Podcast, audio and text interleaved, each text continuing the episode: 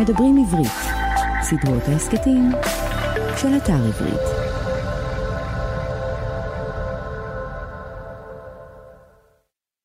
שלום לכולכם, שלום לכולכן. אנחנו הכיפות והשועל, מדף של ספרים ורעיונות לסקרנים ולסקרניות. שמי שמואל רוזנר, תודה שהצטרפתם אלינו. זו מהדורת שבוע הספר, או אולי חודש הספר, ובמהדורה זו נארח את הסופרת נועה ידלין. היא סופרת, תסריטאית, עיתונאית, מרצה לכתיבה יוצרת, היא כלת פרס ספיר לספרות בשנת 2013, כמעט עשור חלף מאז. נועה ידלין היא אישה באמצע שנות ה-40 שלה שגרה במרכז של המרכז של תל אביב. שם גם קיימנו את השיחה ולכן יכול להיות שתשמעו קצת רעשים מהרחובות הסמוכים או ממדיח הכלים שעובד ברקע או מאתרי בנייה, כאמור, המרכז של המרכז של תל אביב. לנועה ידלין יש ספר חדש, קוראים לו הספר הלא נכון. הוא מספר את סיפורה של רונה. לרונה יש תינוק, יש לה ספר שהיא מתקשה לכתוב, יש לה בעל שבז לכולם מלבד לרעייתו. בעלה של רונה משוכנע שהיא עומדת להיות סופרת גדולה והוא יעשה הכל כדי לעזור לה לממש את ייעודה, אבל מאז הלידה רונה לא מצליחה לקרוא כלום שלא לדבר על לכתוב, עד שהיא נתקלת בתחרות פייסבוק טיפשית ומחליטה לנסות. מה כבר יכול לקרות? לא נספר לכם מה קורה, נספר לכם על הספרים שנדבר עליהם עם נועה ידלין, אנחנו כרגיל מדברים עם האורחים שלנו על שלושה ספרים, והיא בחרה את אלה, סטונר של ג'ון וויליאמס, ספר בהוצאת ידיעות ספרים בתרגומה של שרון פרמינגר, סיפורו של נער חווה שהולך ללמוד באוניברסיטה ונעשה מרצה לספרות אנגלית, כישלון בעיני העולם, מתוסכל בחייו האישיים, הספר הזה הוא ספר שנשכח לשנים רבות ואז חזר לתודעה, ננסה להבין מדוע. נעה בחרה גם את בריחה של אליס מונרו, ספר שיצא בהוצאת כנרת זמורה דביר, שמונה סיפורים על נשים בשלל גילים ונסיבות, שבעצם הניסיונות שלהן לשרוד כאדם שלם ועצמאי, הן מביאות על עצמם אובדנים קשים והתנתקויות כואבות וגורמות נזקים לאחרים. התרגום הוא של עדה פלדור. הספר השלישי הוא נערות של ג'ון מקסוול קוטזי, ספר בהוצאת עם עובד. הספר הזה הוא ספר שבו יש מספר צעיר, המספר של נערות שגדל בשיכון חדש מצפון לקייפטאון, בדרום אפריקה של ימי האפרטהייד. הילד, הנער הזה, מתענה ברגשות אשם ובפחדים, חייו הם חיים כפולים, מצד אחד הוא תלמיד מצטיין, מתנהג היטב בבית הספר, מצד שני בבית הוא נער עריץ ומפונק, שחרד תמיד שמא אמו תחדל מלאהוב אותו. התרגום הוא של אברהם יבין. אז עוד מעט נדבר על שלושת הספרים האלה, אבל לפני כן כמה תזכורות, בשבוע הספר תוכלו למצוא גם את שני ספרי הכיפות והשועל שיצאו עד כה, כנופיית המפציצים של מלקולם גלדוול, פחד, חרטה ומשאלת לב של גדי היימן, שניהם ספרים מצוינים. זו הזדמנות לספר לכם שמיד לאחר שבוע הספר אנחנו נוציא גם את שני הספרים הבאים בסדרת הכיפות והשועל. ספר אחד נקרא האם העולם באמת קיים, הספר השני נקרא ההיסטוריה הכי קצרה של סין, כך שיש למה לחכות.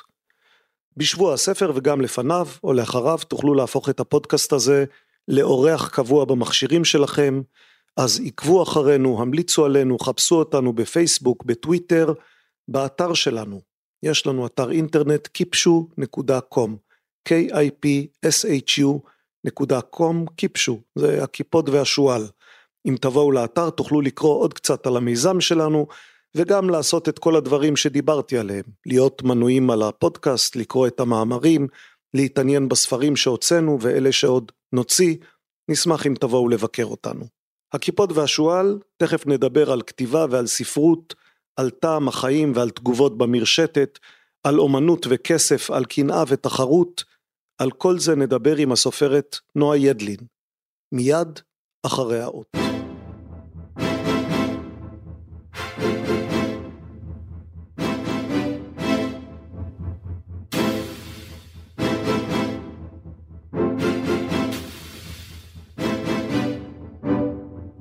נועה ידלין, שלום. שלום שמואל, מה שלומך? אה, בסדר, תגידי, מה זה העניין הזה עם הידלין? למה לא ידלין כמו כולם? אה, כן, תראה, לגנותי ייאמר שאני תמיד חייבת אה, להתחכם, אבל להגנתי ייאמר שאני לא מתקנת. זהו, כי לדעתי כולם חושבים שאת נועה ידלין. כולם קוראים לי ידלין, ואפילו במקרים אה, חריגים, כשמתחשק לי לקצר תהליכים, אני בעצמי אומרת בטלפון ידלין. אה, כן? כלומר, את קוראת לעצמך בשם לא, הלא נכון? לא, זאת אומרת, אה, בדרך כלל כן, בדרך כלל אני מנסה להקפיד על שמי הנכון, אבל פה ושם, אה, כשאני רואה שלא קולטים את השם, אני מקצרת לידלין ומיד... אוקיי, ו- ומה, אבל מאיפה זה באמת? כלומר, ככה זה היה תמיד, ידלין? זה השם, כן, זה, זה השם, זה ה... כן, זה השם, פשוט. מה לעשות? שמות... אוקיי, כן. נשתתף בצערך.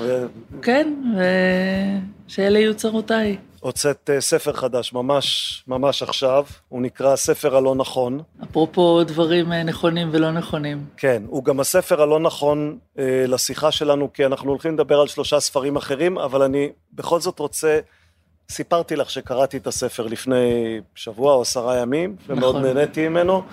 ואני רוצה להקריא ממנו איזה פסקה ורבע, ואז, ואז נתחיל את השיחה שלנו על ספרים אחרים. יאללה. זה בעמוד, אה, תכף באיזה עמוד זה? 225. ואת כותבת ככה, מדי כמה רגעים זה חזר אליה, הודפת מחשבותיה כמו ירייה ברקה. 11 אלף עותקים נכון להבוקר. מחסור בכל החנויות. בית הדפוס לא עומד בדרישה. מירב אמרה, את צריכה לנשק את כפות הרגליים של הדיגיטלי, בחיי. הם אמרו לי שכבר שלוש שנים לא היה אצלם כזה פער במכירות בין המקום הראשון לשני. היא שאלה, מי היה במקום הראשון אז? ומירב אמרה, לא שאלתי. היא אמרה, אז תשאלי. משתאה נוכח אדנותה שכבר הנצה. תמיד מעניין לראות אה, מה אנשים אחרים בוחרים לקרוא מתוך ספר של 350 עמודים. אני אגיד לך, אה, בחרתי את הקטע הזה כי חשבתי ש, שנתחיל עם סטונר, שזה אחד משלושת הספרים שבחרת. עכשיו, גם סטונר הוא, כמו הספר שלך, הוא ספר, הוא קצת ספר על ספרות, או על סופרים ועל ספרות, או במקרה של סטונר, על אדם שמושקע אה, רוחנית ופנימית וזהותית בספרות. אה, אז לכן הקטע הזה הוא קטע שבמידה מסוימת ממחיש את המתח המתמיד בין הרצון האומנותי לרצון המסחרי. אז לכן בחרתי בו. נכון, הוא גם באמת אה, מאוד אה, משקף את ה-DNA של הספר, ואני חושבת אגב שיש עוד, זאת אומרת, קטונתי, סטונר זה רומן ענק ואני באמת מסכימה עם זה שהוא אחד הרומנים הגדולים, אבל יש עוד, אה, זאת אומרת, נקודה, אני דומה בעיסוק, או בניסיון לעיסוק, או בתמה, אה, וזה ש... אני חושבת, ש... אני חושבת שסטונר הוא במידה רבה רומן על אה, איזה חיים ראוי לחיות, ואיזה חיים אינם ראויים לחיות אותם, אם בכלל קיימים חיים כאלה, ובהקבלה מלאה, איזה סיפור ראוי לספר אותו, והאם כל סיפור ראוי שיספרו אותו. אה, שזאת שאלה בעיניי אחת המעניינות שיש. האם, האם כל אדם הוא ראוי לסיפור שראוי לספר אותו? האם כל, כל חיים הם ראויים לספר? אה, אלה שאלות בעיניי מאוד מאוד מעניינות, שרק עליהן אפשר לדבר שלוש שעות. יש איזו סטטיסטיקה שאומרת שנדמה לי אחד מכל חמישה מבוגרים בישראל כתב, כותב או מתכוון לכתוב ספר, שזה מן הסתם ספר על עצמו, כך ש... אני חושב שבעיני האנשים והנשים עצמם, אה, כל אחד מאיתנו ראוי לסיפור. זאת שאלה נורא מעניינת, כי על פניו, זאת אומרת, אני בטוחה שהסטטיסטיקה כמובן נכונה, וגם היא נשמעת לי סבירה. כמו, כמו כל סטטיסטיקה. כן. כמובן, כן. והיא נשמעת לי גם סבירה בתור, בתור לא סטטיסטיקאית. כלומר, גם סביבך כולם רוצים לכתוב ספרים? כן, אני גם מלמדת כתיבה, אז uh, המדגם אצלי הוא לא כל כך תקין, אבל כן, סביבי הרבה אנשים רוצים לכתוב ספרים, ואחד הדברים שאני הרבה פעמים, או לא יודעת אם הרבה פעמים, אבל לפעמים אומרת לאנשים או לתלמידים, אני אומרת להם, אתם יודעים, לא חייבים לרצות לכתוב ספר. כי לפעמים אנשים מרגישים, בעיקר בסביבות חברתיות מסוימות, שזה, אם הם לא כותבים ספר או לא רוצים לכתוב, זה, זה לא תקין. זאת אומרת, למה אני לא רוצה לכתוב ספר? אז לפעמים הדבר הזה, לא חייבים לרצות לכתוב ספר, זה גם uh, סוג של הרגעה. Uh, אבל אני חייבת להגיד לך שאני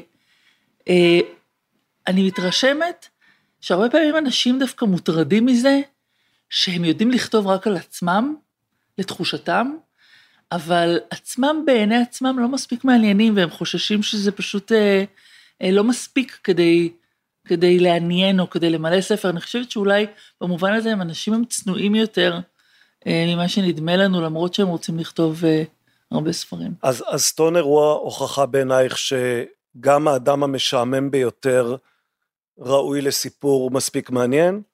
אה, סטונר עצמו הרי הוא, הוא, הוא דמות, כלומר... הוא לא משעמם. הוא לא משעמם?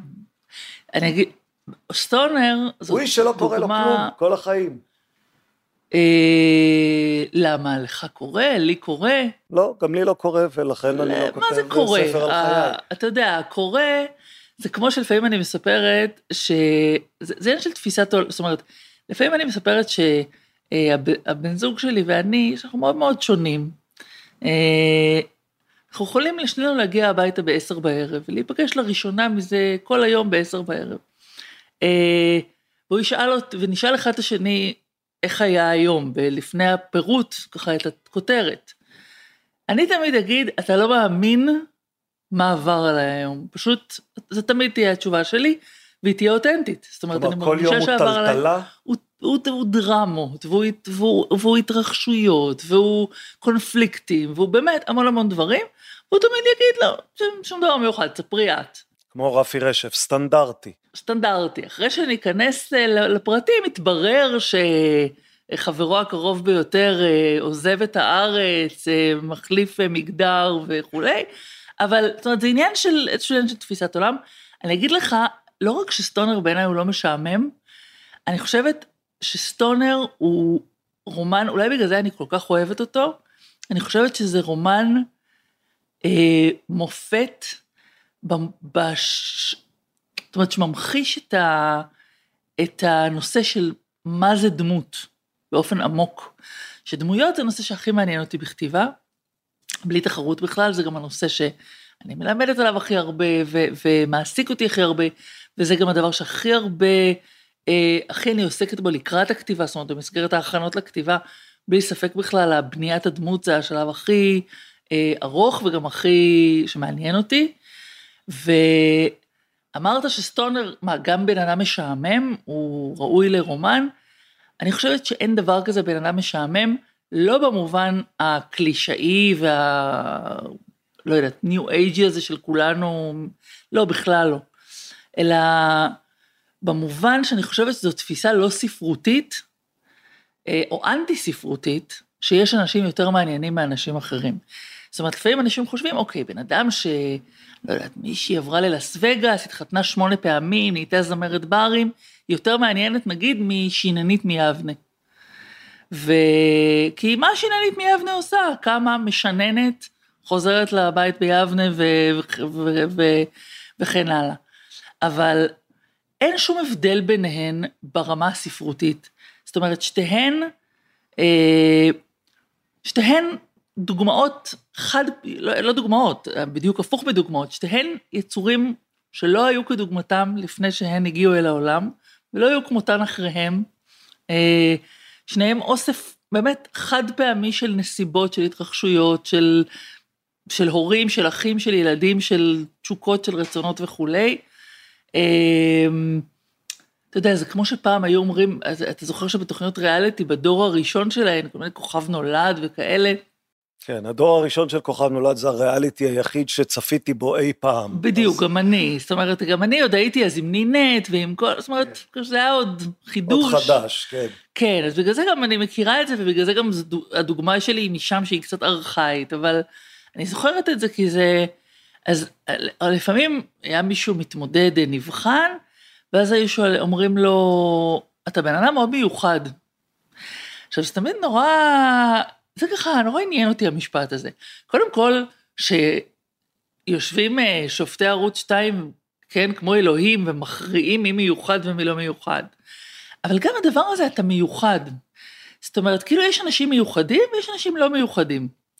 זו, זו תפיסה שהיא ממש בעיניי ההפך מ- מספרות. אבל את מבינה שבעולם הספרותי, כלומר, נניח שאת צודקת, אני, אני אנסה לגלגל את התסריט הזה. אז כל אדם הוא מעניין, ולכן כל אדם ראוי לספר, ולכן, לא אמרתי שכל אדם ראוי לספר, אה, אמרתי אוקיי. שכל כל אדם, כס, בס, באופן, ברמה ספרותית, לא ברמה חברתית. אני לא, ברמה לא, חברתית זה אבל משהו אחר. תיאורטית, מה, לא מהתסריט הזה יכול, לספר, יכול, יכולים מעניין. להיוולד שבעה מיליארד ספרים, ואז כל אדם יוכל לקרוא גם רק את הספרים עליו ועל בני משפחתו הקרובים. אוקיי, לא.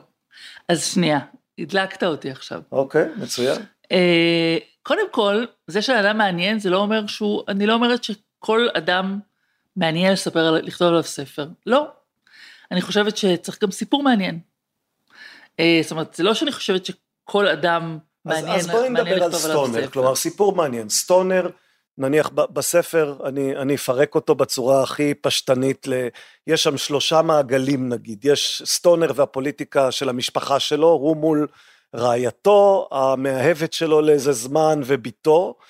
אה, יש את סטונר מול הפוליטיקה של האקדמיה, הקטנונית והאכזרית והמתעמרת, ויש את סטונר בעולם הרוחני שלו, סטונר, אה, סטונר מול הספרים והספרות. נכון. נכון, אלה שלושת המעגלים בגדול של הספר. מה, זה לא הופך אותו לצ'רצ'יל.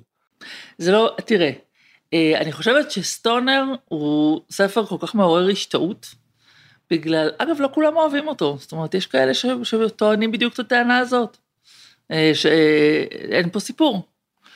אה, סטונר הוא פשוט אה, מופת כל כך אה, מרשים של אה, כתיבה חד פעמית אה, וחפה מקלישאות באופן כל כך עמוק. סתם ככה, כתבתי כמה דוגמאות לדבר הזה. יאללה, לכי על זה. אה, שזאת באמת דוגמה של לקחת סיפור שעל פניו, זאת אומרת, אם הייתי מספר את הסיפור הזה, אם הייתי באה לעשות פיץ' להוצאת ספרים ואומרת על מה הספר שלי, זה היה נשמע לא מעניין. אז זה באמת כישרון מאוד מאוד מאוד טוב, הספר שלו גם עצום. נקבר להרבה מאוד, כלומר, הוא לא נכון. הצליח, ואז פתאום התגלה מחדש, נכון. ואז פתאום מאוד הצליח. יש, יש שם את, את הדרמה הפנימית של הספר בתוך הספר. נכון. למשל, את- אני אתן לך דוגמה. כן. אה, זאת אומרת, הספר הזה, כל כל פעם מחדש, זאת אומרת, בכל, כמעט בכל שורה ובכל פסקה מחדש הוא מרשים אותי באיזה מין כמעט אה, התעקשות, כמעט פוצית, כן, של ג'ון וויליאמס, אה, לא לתת לנו, גם כשאנחנו אנחנו אומרים, אוקיי, בסדר, נקרא ספר על מרצה לא נורא מצליח במקום, באיזה חור בארצות הברית, אוקיי, אבל בתוך זה, תן לנו קצת, כן? תן לנו קצת דברים קיצוניים. קיצוניים קטנים, קיצוניים של החיים, קיצוניים של היומיום. אבל הוא לא מסכים לתת את זה בצורה כל כך עקבית. למשל, אה, הוא מדבר על, אה, כתוב שהוא מבצע את מט- מטלותיו באוניברסיטה, בלי לחוש אה, עונג או מצוקה. עכשיו, זה נורא מעניין בעיניי, כי ה... הרי גם עונג של ביצוע מטלות אקדמיות, או של חדווה אקדמית, וגם מצוקה של הדבר הזה, הם שני, זאת אומרת, הם שניהם סוג של קלישאות, כן? מה היחס שיכול להיות לך לאקדמיה? או איזה מין התמסרות טוטאלית, ואיזה משהו שזה מעורר בך איזו התרוממות רוח, או שזה מאוד קשה לך, כן? הקצוות של הספקטרום. והספר הזה כל הזמן מת, מתעקש לעזוב את הקצוות, ללכת למרכז, באמת, למרכז הכי, בלי עונג, בלי מצוקה. נו, אז, אז מה אתה נותן כן, לנו? כן. או שכתוב שה... אה, בסוף שנת הלימודים הראשונה, ממוצע הציונים שלו היה 80. זה, זה, זה ציון שאי אפשר להגיד עליו כלום. זאת אומרת, זה כל הזמן מתעקש להגיד לנו, הספר הזה יהיה ספר יוצא מן הכלל, בלי שאני אעזר, אני הסופר, לא חושבת שזאת זאת המטרה, אבל, אבל זה מה שקורה. בלי ש... זה מה שכל כך מרשים אותי, בלי שהוא נעזר בשום עזרים ולו הקטנים ביותר של טיפה אה, הקצנה, או של טיפה ללכת לקצוות של ה... או של ההישג, או של תראי, הכישלון, או של אולי הרגש. המאהבת הסטודנטית, זה הרגע שבו יש קצת כן, הרגש. דרמה אנושית נגיד. אה, נכון, שעד כדי כך ש... שבספר כזה, הרומן עם הסטודנטית נדמה כמעט סנסציוני. זה, זה על גבול הטלנובלי בתוך ספר כל כך, שנדמה שהוא לא יקבל כלום. זאת אומרת, שלא ייתנו לו אה, שום דבר שיש בו איזה, איזה יופי כמעט מוחלט, או איזה עונג כמעט מוחלט, שבאמת הרומן ביניהם מתואר, ב- זאת אומרת, כבאמת אה, זו הצלחה מאוד גדולה. זאת אומרת, כ- כיופי גדול, ו... אבל אני רוצה אבל לה- להקריא קטע... זה נחמד בעיניי שממש הכנת שיעורי בית, כלומר ישבת וכתבת ציטוטים. כן, לא התאפקתי. אי אפשר לקרוא את לא, לא, הספר אני- הזה בלי אני- להעתיק ציטוטים. אני מלא התפעלות מזה, זה... אה, כן, אני, נכון, אני קראתי אותו שוב לקראת הפגישה שלנו, התמלאתי שוב בהערכה עוד יותר גדולה מאשר זו שהייתה בי כשקראתי בפעם הראשונה, וכל כך הרבה מחשבות היו בי. אתה יודע, זה, זה, אני רוצה לקרוא לך משהו שלדעתי הוא, ה, הוא ממש כמעט תנ"ך של איך כותבים דמות. אוקיי. אפשר? כן, פסקה, כן, בטח, פסקה... בטח, בשביל זה אנחנו... כאן. הנה, בסוף 208 כתבתי לי, אני קוראת מפסקה מעמוד 208. כן. מעולם לא עלה על דעתו איך הוא נראה בעיניו של מתבונן מבחוץ, בעיני העולם. לרגע ראה את עצמו כפי שהוא מצטייר, והדברים שאמרה אדית היו חלק ממה שראה. הוא ראה בחטף דמות שמבליחה בבדיחות של מועדוני גברים ובספרים זולים. ברנש עלוב שמגיע לגיל העמידה, אשתו לא מבינה אותו והוא רוצה להרגיש שוב צעיר, ולכן הוא מתחיל עם בחורה צעירה ממנו בשנים רבות, מושיט באיוולתו יד מגושמת אל העלומים שחלקו, שחמקו ממנו. ליצן טיפש בלבוש צעקני, שהעולם לועג לו מתוך בוז, חמלה ומבוכה. הוא בחן את הדמות היטב ככל יכולתו, אך ככל שהביט בה, כן נעשתה פחות מוכרת. הוא ידע שאינו נשקף בה, ולפתע הבין שאיש אינו נשקף בה. זאת אומרת, הוא בעצם מתאר, הוא, הוא, הוא, הוא אה, לוכד את עצמו, הוא מתאר את עצמו כחלק מקלישאה, קלישאה על הגבר בגיל העמידה, שנדלק על בחורה צעירה, באמת כאחרון ה... ה- הגברים בגיל העמידה. הגברים בגיל העמידה, בדיוק. אה, אבל אז הוא אומר את הדבר באמת הכי, אחד העמוקים שאפשר להגיד על דמויות, שזה, אבל אף אחד הוא לא גבר חרמן בגיל העמידה, כמו שאף אחד הוא לא פרסומאי תל אביבי, ואף אחד הוא לא אה, עקרת בית משועממת, אין דברים כאלה. זה הכל, הכותרות האלה הן ההפך מספרות, הכות- הכותרת היא האנטי ספרות, והספרות היא לקחת את הכותרת, למחוק אותה ולהפוך אותה לבן אדם.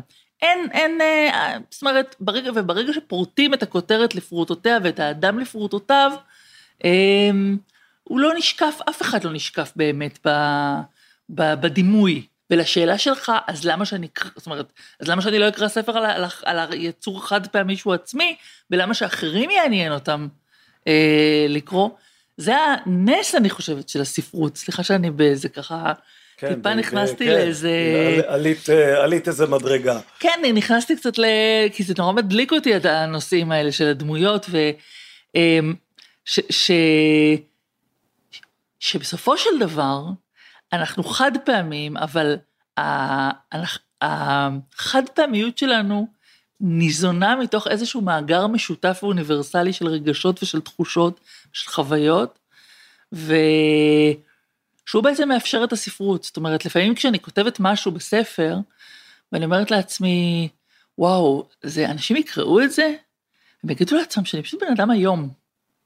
באמת, זאת אומרת, מי, מי חושב? כן, יש רגעים כאלה מי חושב מחשבה שלך, כזאת? בטח. כן, מי, מי, מי, מי חושב מחשבה כזאת?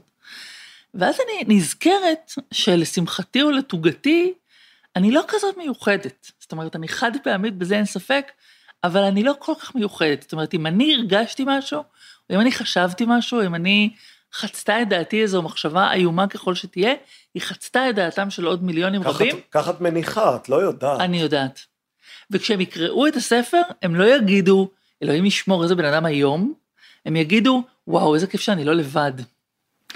זאת אומרת, יהיו גם כאלה שיגידו איזה בן אדם היום ויטרקו את הספר בכעס, אבל יהיו גם הרבה שיגידו, אני לא לבד. זה מה שספר עושה, הוא נותן חברה לחולשות שלנו, וזה דבר שאין לו אח ורע. תגידי, אם סטונר היה מרצה למנהל עסקים ולא אה, אה, אה, לספרות, מה הסיכוי שהיית מתעניינת בו באותו אופן? גדול מאוד. כן? תראה, אה, אה, זאת אומרת, אה, מה...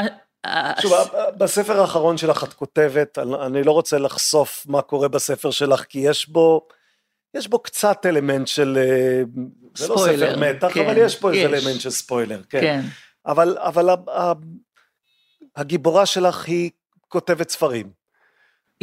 כן, רוצה לכתוב ספרים. רוצה לכתוב כותבת ספרים, כן. רוצה לכתוב ספרים. כן. אה, סטונר הוא פרופסור לספרות. כלומר, יכול להיות שאת פשוט נשאבת או מחבבת את האנשים שעוסקים באותו תחום צר או רחב שגם את מתעניינת בו. אני חושבת שאם הוא היה אה, פרופסור למנהל עסקים, אה, זאת אומרת, זאת שאלה מעניינת אם כפרופסור למנהל עסקים הייתה לו אותה אישיות ואותם, אה, זאת אומרת, ואותו... האם גם לפרופסור למנהל עסקים יש מחשבות מעניינות? אני בטוחה שכן. אוקיי. אין לי שמץ של ספק שכן, ואני גם אגיד לך שאם הוא היה אה, פרופסור למנהל עסקים, או לכימיה, או לכל דבר אחר, במובן מסוים, הספר הזה היה עוד יותר, אה, זאת אומרת, עוד יותר מבחינתי, התנ"ך של האי קלישאה. אבל את לא מרגישה שבסטונר עצמו ובעיסוק שלו בספרות יש גם סוג של, כמעט הייתי אומר לעג או, או בוז, או, או אה, אה, תיעוב עצמי ביחס לעיסוק בספרות? זה, כלומר, זה הכל מין כלום כזה, וזה לא חשוב, ויש יש בסטונר איזה צד כזה, או שאת לא מרגישה בו. אני מין, חושבת מין שה- עליבות ספרותית כזאת.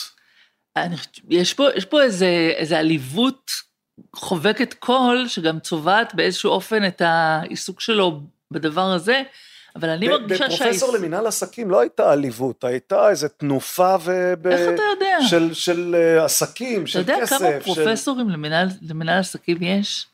אתה יודע כמה? יש כל כך הרבה. חלק מהם אנשים כל כך חסרי ביטחון ואומללים.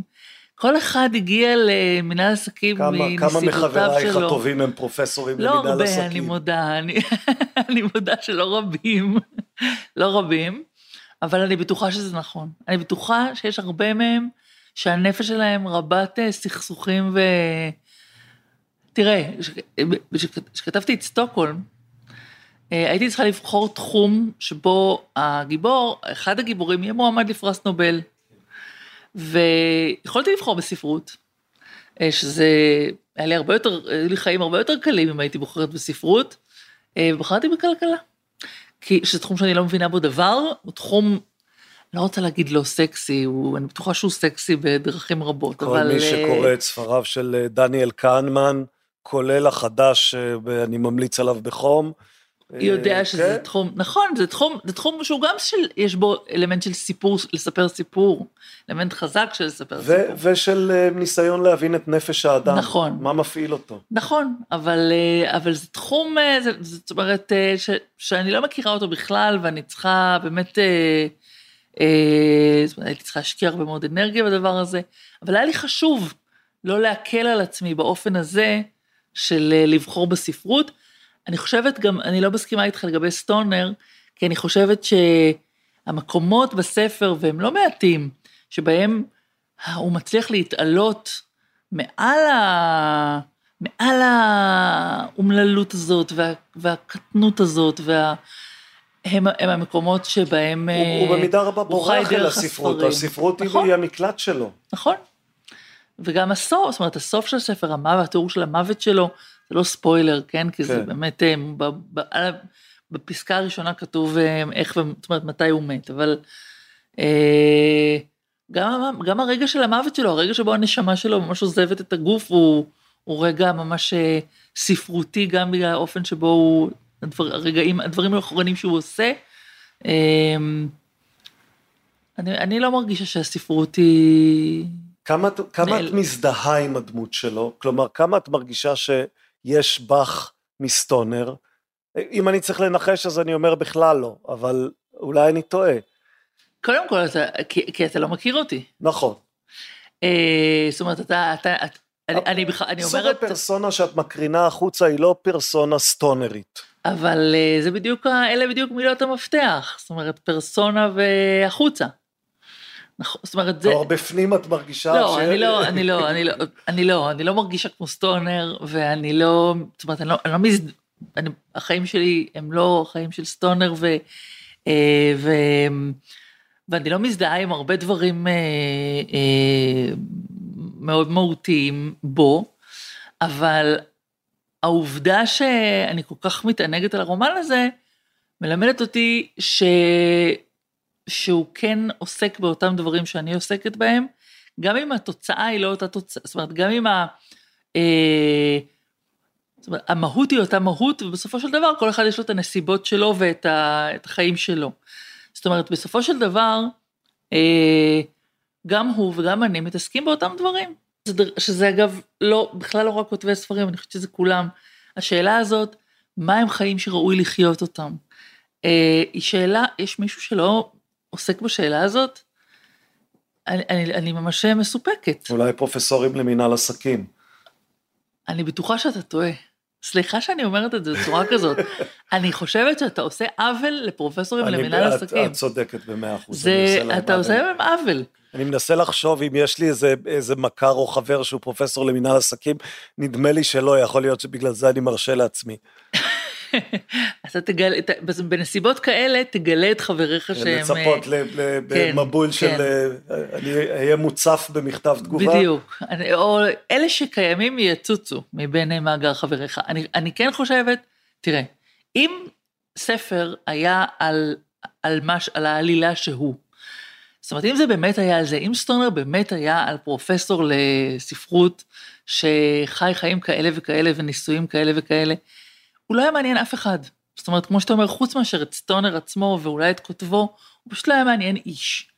אבל, זאת אומרת, ספרים מוכרח להיות בהם איזה דבר יותר עמוק שהם עליו. דבר שהוא, דברים, דבר שהוא אוניברסלי. אני חושבת שיותר מדבר אחד. ואלה הדברים שבזכותם אנשים קוראים ספרים.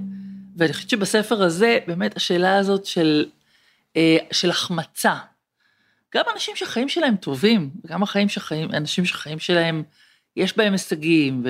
או לתחושתם, או לתחושת סביבתם, זה לא משנה. האם מישהו לא עוסק בשלבים כלשהם בחייו בשאלה מה הוא החמיץ, אה, מה הוא עוד יכול לשנות? זה, אלה, אלה השאלות הכי מהותיות של החיים, וזה, וזאת גם המהות של סטונר. בואי נדלג לנערות. יאללה, בוא נדבר על לנערות. כשניסיתי, כלומר, את אמרת לי איזה שלושה ספרים את אה, רוצה לדבר עליהם. כן. זה סטונר, נערות ובריחה של אליס מונרו. נכון. ואז ניסיתי לחשוב בראש, אוקיי, למה היא בחרה את שלושת אלה? אז סטונר אמרתי, אוקיי, אישה ספרותית, היא בחרה בספר שיש בו איזה דמות ספרותית. ואז חשבתי על נערות, ולאחר שקראתי את ספרך אמרתי, אה, זה הפוליטיקה. היא, היא עכשיו בתקופה, אה, בתקופה פוליטית. שוב, אני לא רוצה לקלקל לאנשים את הספר שלך, אבל יש בספר שלך איזה מתח שבין, נגיד, הפוליטיקה של אחד הגיבורים והסביבה שאת חיה בה. ולא לגמרי ברור האם את, האם את מלעיגה מהשמאל על הימין, או שאת באמצעות הימין חושפת את צביעותו של השמאל, ואולי זה מה שמחבר אותך לנערות. שוב, זו מחשבה קצת אה, מרחיקת לכת, אבל אה, אני מנסה אותה עלייך. אה, אז אני אגיד לך, אני תמיד... בואי, בואי נגיד על מה נערות, כלומר... נערות זה סיפור התבגרותו, נערותו, בין ילדות לנערות, באנגלית קוראים לספר בויהוד, של, של ילד נער צעיר בדרום אפריקה, של שנות ה-40 אה, של המאה שעברה, אה, שהנער הזה הוא אה, שמו ג'ון, והוא בעצם אה, בן דמותו של אה, הסופר, אה, אה, שבעצם מספר, זה סוג של ביוגרפיה, חלק ראשון תוך שלושה חלקים, שהוא בעצם אה, ביוגרפיה, מספר את סיפור חייו אה, כרומן, לא כביוגרפיה רשמית, אבל הדמויות. כן, זה ברור לגמרי שיש כמו... קשר בין חייו של המחבר לבין חייו של הגיבור כן, שלו. כן, זה נראה ממש... אה, כמו כל הסופרים, גם הוא יודע לכתוב רק על עצמו. אני חושבת שפה הוא עושה את זה די באופן מוצהר. כן, זאת אומרת, כן. זה גם השם, זה גם שם המשפחה של המשפחה שהוא גדל בה, ו...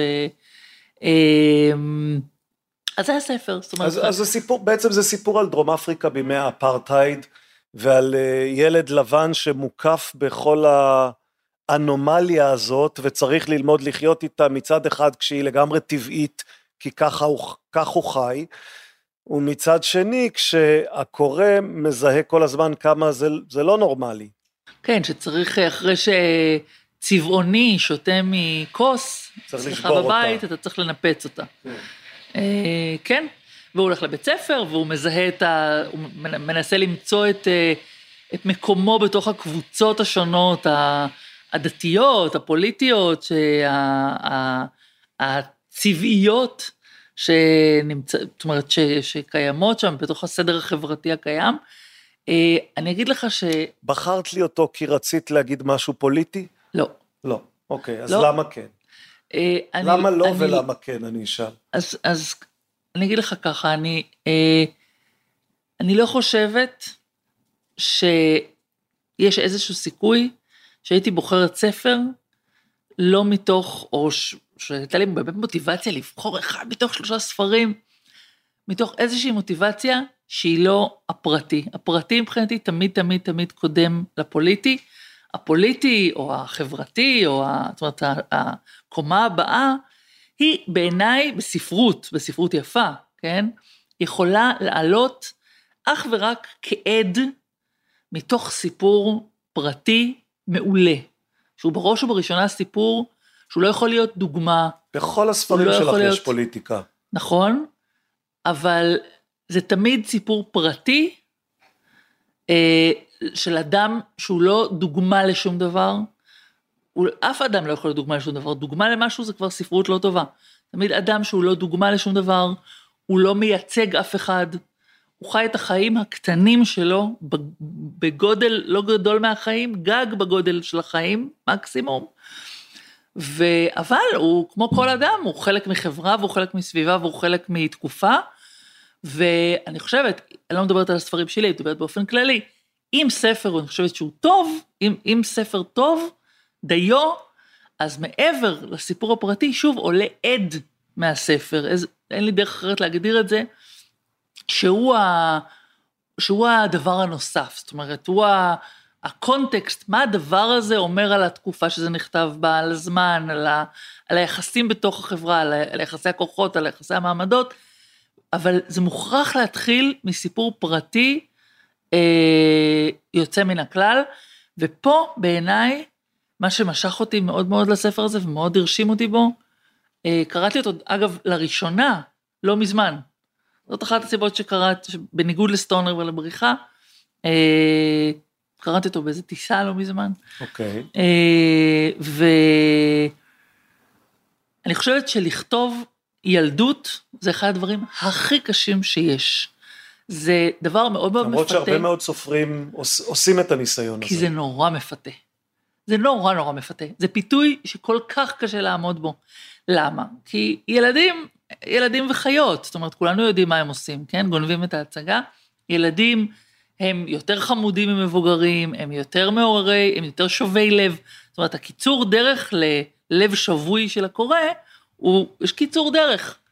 אני חושבת שזו כתיבה שמאוד מאוד מאוד מזמינה קלישאות, שהקלישאה מספר אחת, שאני ממש יש לי אלרגיה אליה, היא הילד החכם מכפי גילו. אני לא מבינה איך כל הילדים חכמים מכפי גילם, איפה כל הילדים שחכמים כפי גילם נעלמו? מה הם עשו רע שלא מגיע להם שיכתבו עליהם ספרים? כולם חכמים מכפי גילם, כולם רואים את מה שהמבוגרים לא רואים, כולם קולטים את ה... זאת אומרת, זה, זה באמת, ויש בזה משהו, אני מבינה למה זה מפתה, למה הם חכמים מכפי גילם?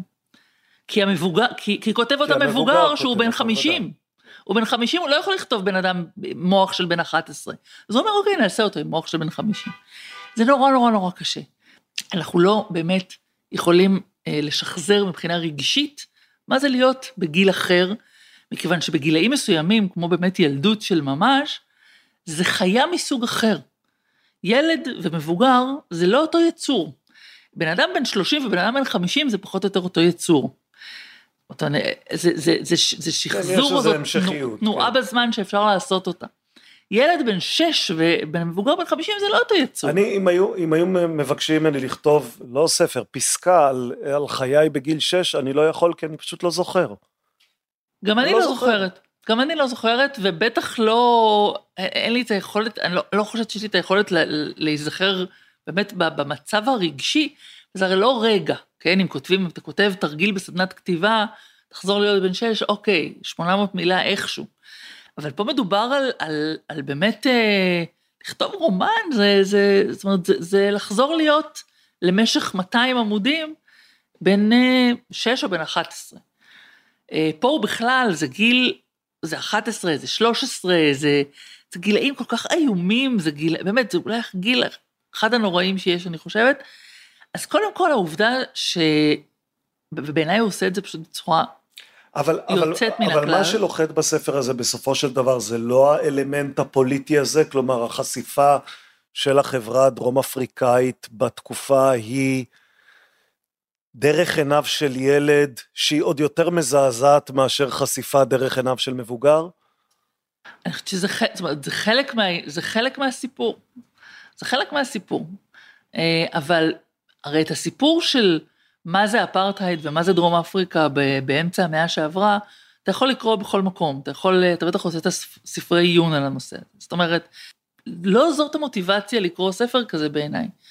שוב, זה- השאלה זה- מי הקורא, אני זה, הקורא. זה שהסופר, כלומר זה לא כתוב בספר, אבל, אבל מכיוון שקראתי את הספר וקראתי על הספר, אז גיליתי, לא ידעתי קודם, שהסופר בכלל לא נשאר בדרום אפריקה, כלומר, הוא מספר את סיפורה של דרום אפריקה, אבל הוא בסופו של דבר במידה רבה נמלט ממנה, הוא חי באוסטרליה. אה, יש בזה משהו שצורם בעינייך? כלומר, איך אתה יכול לספר לנו את הפוליטיקה של המדינה שנמלטת ממנה דווקא כשהיא השתנתה למקום שכאילו רצית שהיא תשתנה אליו? אה, בכלל לא. אני, אני חושבת ש... זה בכלל מעניין אותך מה הסופר לעומת מה הספר, או שאת אדישה לחלוטין לחייו של הסופר? אלה לא שתי האפשרויות, זאת אומרת, אה, בעיניי. נכון.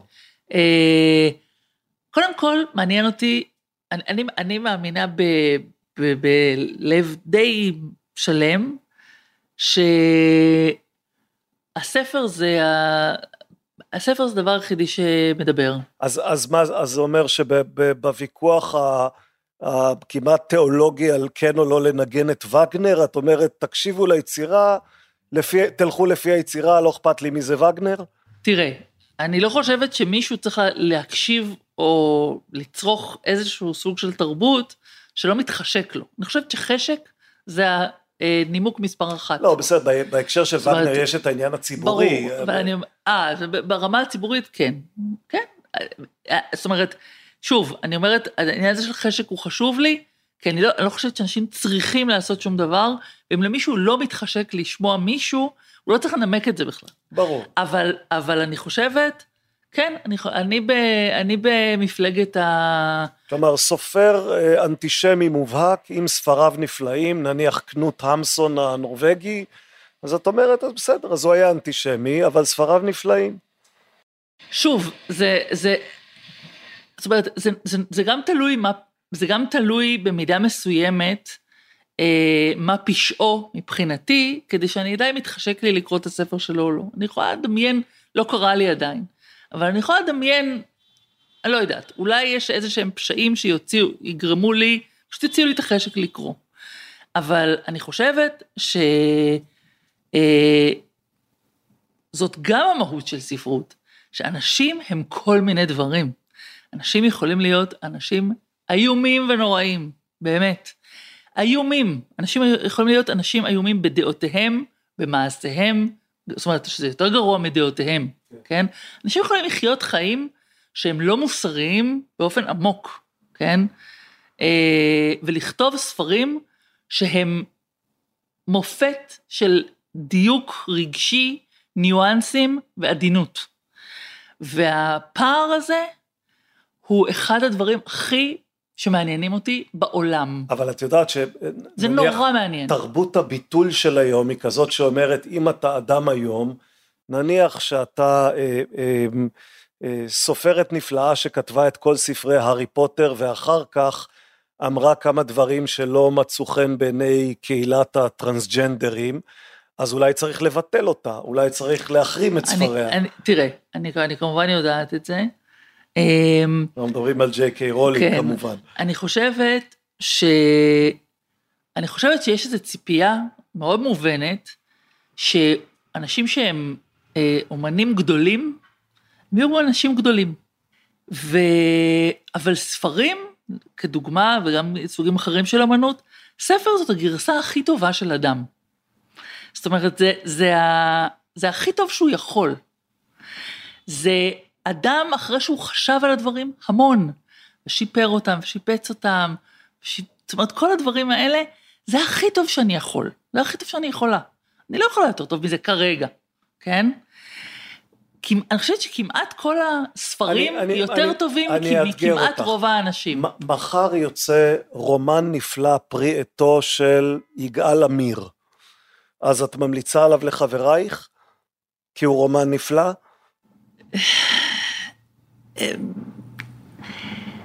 זאת, אתה יודע, זאת, זאת שאלה... כי הוא בסדר, כי הוא לא, לא כתב... אני לא, תראה, אני לא אקרא רומן של יגאל עמיר. אני לא חושבת שאני אקרא רומן של יגאל עמיר. אני לא, לא נראה לי שאני, שוב, השאלה היא, אתה יודע, זה, זה כמו השאלות האלה, את חייבת לבחור חברה אחת לקחת לספינה ואת כל השאר את הורגת. זאת אומרת, זה שאלות שיש בהן משהו, תראה, אה, זאת אומרת, זה שאלות שכשהבת שלי מספרת לי שחברות שלה משחקות את זה בכיתה, אני אומרת לה, אל תשתתפי. אבל עכשיו אני לא אשת... לא, אני לא אשחק את זה. זה קצת שאלות של תנועת נוער, את צודקת. אבל, אבל, אבל... יגאל, בוא נגיד, אם יגאל עמיר יכתוב ספר, יש כל כך הרבה ספרים בעולם שלא קראתי, ושאני מתה לקרוא. יש לי פה ערימה של 300 ספרים, שאני משוגעת עליהם, משוגעת, מתה לקרוא אותם. עכשיו יגאל עמיר הוציא ספר, להגיד לך שאני אקרא אותו? לא. כלומר, כלומר אחרי, לא, האיכות, הס... לא אחרי האיכות הספרותית, את כן עושה גם איזשהו דירוג, איזושהי היררכיה שהיא על פי אה, אישיותו של הסופר. אה,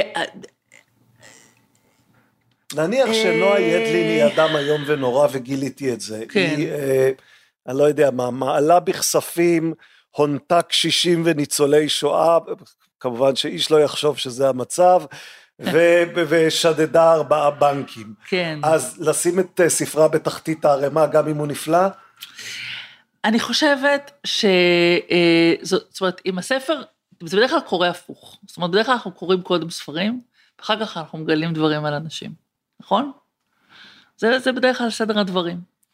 אמ, אם אני, ואתה יודע מה, ואם לא גנבתי, ואם לא הוניתי, ואם לא עשיתי את כל הדברים האלה, ובאמת לא עשיתי אותם. אבל יש אולי, אבל בטח יש... ככה את אומרת. ככה אני אומרת, אבל בוא נגיד, גם אם אתה בוודאות יודע שלא עשיתי אותם. אבל אתה בוודאי מניח שאם היית מכיר אותי היטב, היו בי דברים שאתה לא אוהב, שלא היו מוצאים חן בעיניך. אולי אני מתנהגת לא יפה ל... ל... אני לא יודעת מה, לקרובי משפחה חתולים. שלי. חתולים. אולי כן. אני מתנהגת לא יפה לחתולים. אולי אני גואל, גואלית לנותני שירות. אולי. זאת אומרת, יש באנשים המון המון צדדים מכל מיני סוגים, אה, שגם אם הם לא פליליים, הם יכולים להיות לא פחות דוחים. יש אנשים, יש הרבה סופרים למשל, ש, זאת אומרת, כבר, כבר אנחנו יודעים היסטורית, שהיו הורים איומים. אתה יודע שחלק מהסופרים הכי גדולים שאתה קורא ואתה מכיר, היו הורים מזוויעים. אז... טוב, אנחנו הרי נחשפים לפרשת משפחת עוז כן, לאחרונה. כן, אני דווקא לא מדברת. על פרשת עוז. כן, לא, שש, לא ששם אנחנו, בסוף נשארנו בלי, בלי לדעת בדיוק. נכון. אבל אני לא מדברת דווקא על פרשת עוז, אני מדברת על סופרים ותיקים יותר, וכאלה כן. שכבר לא, חייהם לא, נחקרו. סופרים. שהיו הורים איומים, אה, כן, זו לא רשימה חסרים, ארוכה. כן, כן, זאת רשימה ארוכה, ו... אה, אז אני אומרת, אנשים, ההנחה הזאת, שאנשים הם, אה, שהאנשים, כולל כמובן הסופרים, כולם פגומים. אני תמיד אומרת, אם אתם אוהבים ספר של מישהו, אני לא ממליצה לפגוש אותו. אם אתם לא אוהבים, תפגשו, על הכיפאק. אבל אם אתם אוהבים, אפשר רק להתאכזב. זה מאוד קשה להתעלות, זאת אומרת, להיות יותר מעניין מספר שכתבת. יש, יש לך אה, הנאה... או יותר טוב. הנאה, סבל או אדישות ביחס לעובדה שהקוראות שלך, אני אומר קוראות כי הרוב זה בטח קוראות, הקוראות והקוראים שלך... יש לי הרבה קוראים. ברור שיש לך... כן. אבל יש, יש יותר היום נכון. מאשר קוראים באופן כללי. נכון. יש לך הנאה או סבל מזה שהם מתעניינים לדעת מי את? הם הרי מתעניינים, אה. את יודעת שהם מתעניינים לדעת מי את. קודם כל זה מחמיא לי. אני אדם מאוד פרטי. את מרגישה שזה כופה עלייך איזה סוג של ממלכתיות או ייצוגיות? כלומר, שינית בקצת את הפרסונה שלך ברגע שהפכת לדמות קצת יותר ציבורית? שאלה מאוד מעניינת. אני יודע. חייבת להגיד לך. כן. סליחה שאני... אבל זו באמת שאלה מעניינת. אמ, אני חושבת שאני טיפה, טיפה, טיפה יותר אה, מודעת ל... לעובדה שיכול להיות ש...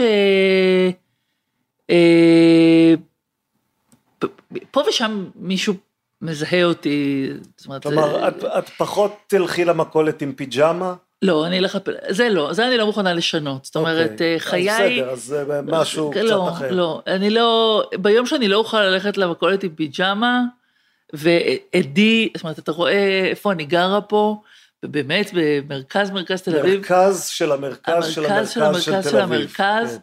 ויש פה AM/PM מעבר לצומת קפלן, וזה צומת באמת שאין בן אדם שאי אפשר לפגוש פה ב... כשאני חוצה את הצומת. אה, על הפיג'מה ואם אני לא לא אוכל ללכת לשם בפיג'מה, אז אין טעם יותר לחיי. אז מה, אז במה, במה אותם. מתבטא באמת השינוי הקטן הזה ש, שעשית? אבל אה, לפעמים אני, אני יודעת, אפילו, אני יכולה לתת דוגמה נורא טיפשית. אוקיי. אמ, הייתי ב... השתתפתי באיזה פאנל ספרותי בסטוקהולם, לא פחות. ואתה יודע, חלק בזמן את מדברת, וחלק אנשים אחרים מדברים.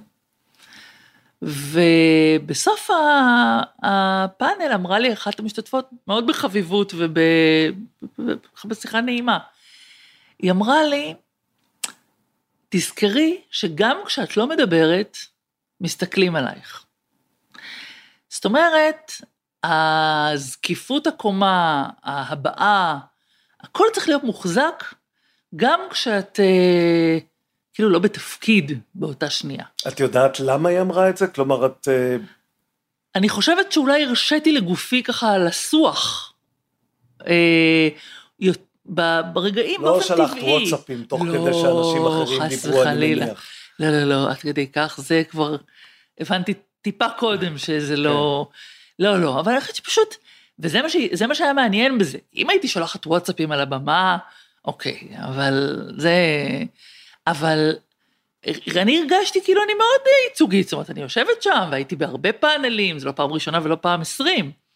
אז, אבל פתאום הבנתי שההחזקה צריכה להיות יותר מוקפדת, וזה ככה כמטאפורה, ל... זאת אומרת, לא רק ההחזקה לבמה, יש משהו שצריך להיות, צריך להיות מודעים לדבר הזה. בואי, בואי נישאר רגע בפאנל בסטוקהולם, כי הוא מוליד אצלי עוד שתי שאלות. אחת, כמה חשובה לך הצלחה בינלאומית? אמ, את כותבת בעברית, אה, אנחנו יודעים שפרנסה זה לא אה, ככה ככה לכתוב בעברית, כלומר אם יש פרנסה בכתיבה, היא כנראה בהצלחה בינלאומית, אז יש את הצד הכלכלי של זה, ואולי יש גם את הצד, ה, לא יודע, הכרה בינלאומית בכך שאת דוברת את השפה הבינלאומית שהיא ספרות. אה, היא חשובה לי. היא חשובה, זאת אומרת, תראה, היא חשובה לי, ו... כשאת רוצ- כותבת ואני- ספר, כן. את חושבת גם על הקורא באוקלהומה, או שאת חושבת רק על הקורא בבת ים? אה, קודם כל, אני בוודאי לא חושבת על הקורא באוקלהומה, לא בוודאות היית לא. באוקלהומה אף פעם. אה, אני גם לא חושבת על הקורא בניו יורק. אוקיי. אה, אני שואלת את עצמי גם אם אני חושבת על הקורא בבת ים, או בתל אביב, או ברעננה, או בכל מקום אחר. אה, אני חושבת ש... אני חושבת שכן. זאת אומרת, אה, אני כן חושבת, אני כותבת את לקוראים. כותבת סיפור למישהו. אני כותבת לקוראים, כן. אני חד וחלק כותבת לקוראים, אני כותבת ספרות שאני רוצה שיקראו אותה. זאת אומרת, היא לא ספרות שנועדה למגירה, וזה הבדל מהותי. אה, זה, זה, זה, זה, זה הבדל חשוב, זה דרך אגב אחת השאלות הכי מעניינות שאפשר לשאול תלמידים, או... לפ- ולפעמים אני עושה את זה, אם היית יודע בוודאות מוחלטת, בת קול הייתה יוצאת מן השמיים ומבשרת לך, שאת הטקסט הזה שאתה כותב עכשיו, איש לא יקרא לעולם, האם היית כותב אותו כן או לא. זו שאלה מעניינת, ואני חושבת שאנשים נוטים לענות כן, ככל שהם יותר בתחילת הדרך. כן. זאת אומרת, כשאנחנו בהתחלה, אנחנו אומרים, בטח שכן, גם אם לא יקראו את זה, זה צורך, זה פנימי, זה זה. ואני חושבת שכמה שיותר מתרגלים לזה שיש מי שקורא, אה, אז, אז זה חלק מהדבר. זאת אומרת, זה טקסט שנועד לתקשר עם אנשים אחרים. האם אני מדמיינת אותם תוך כדי הקריאה? אני חושבת שלא. אני חושבת שתוך כדי הקריאה אני מדמיינת אך ורק את האנשים שאני כותבת אותם. לא, אבל יש סוג של דברים, נגיד, סוג של הוואי פנימי שאת יכולה לכתוב, ואת אומרת, זה לא יעבוד, זה לא יעבוד במקום אחר, זה מדי מקומי, זה מדי אינסייד uh, בייסבול של ישראל, זה מדי משהו שהוא לא... אז, אז אני לא, אז קודם כל, אני, תוך כדי הכתיבה אני לא אומרת את זה ואני לא חושבת את זה, משני טעמים. אחד, אני למדתי כבר שהיומרנות הזאת של לדעת, אה, כל ניסיון ל, להעריך מה אנשים אחרים, אה, זאת אומרת, מה עוד הטקסט הזה אה, יעשה, זה נושא מאוד מאוד יומרני. כל הסוגי המוטיבציות האלה, דינן כישלון, או, או אתה יודע מה, מוטיבציה מאוד מאוד אה, שכיחה, או שהרבה שואלים אותי, אה, האם זה מתאים לעיבוד, לטלוויזיה, בגלל שכבר איבדתי סדרה אחת לטלוויזיה, כן. אז לפעמים שואלים אותי האם אני כותבת, וכבר חושבת שזה יהיה... לטלוויזיה. תראה, אני למדתי שאף אחד בעולם לא יודע מה מתאים לטלוויזיה ומה לא מתאים לטלוויזיה, אף אחד לא יודע מה יזכה בפרס ומה לא יזכה בפרס, אף אחד לא יודע כלום. גם לא אנשים שהם כאילו מומחים בדברים האלה, אף אחד לא יודע. ולראיה, מיליון תוכניות טלוויזיה שנכשלות כישלון חרוץ, ודברים אחרים שנראים כמו כישלון המחץ, שעל שפ... פניו, וזוכים בהצלחה. כן, סטונר. כן. זאת אומרת, אף אחד לא יודע.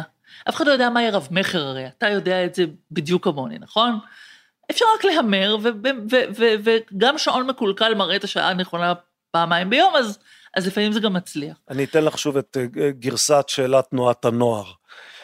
אה, הרבה קוראים בישראל, אבל ישראל, או מעט קוראים בישראל, אבל הצלחה גלובלית עם כל התמורות הכלכליות שיש לזה.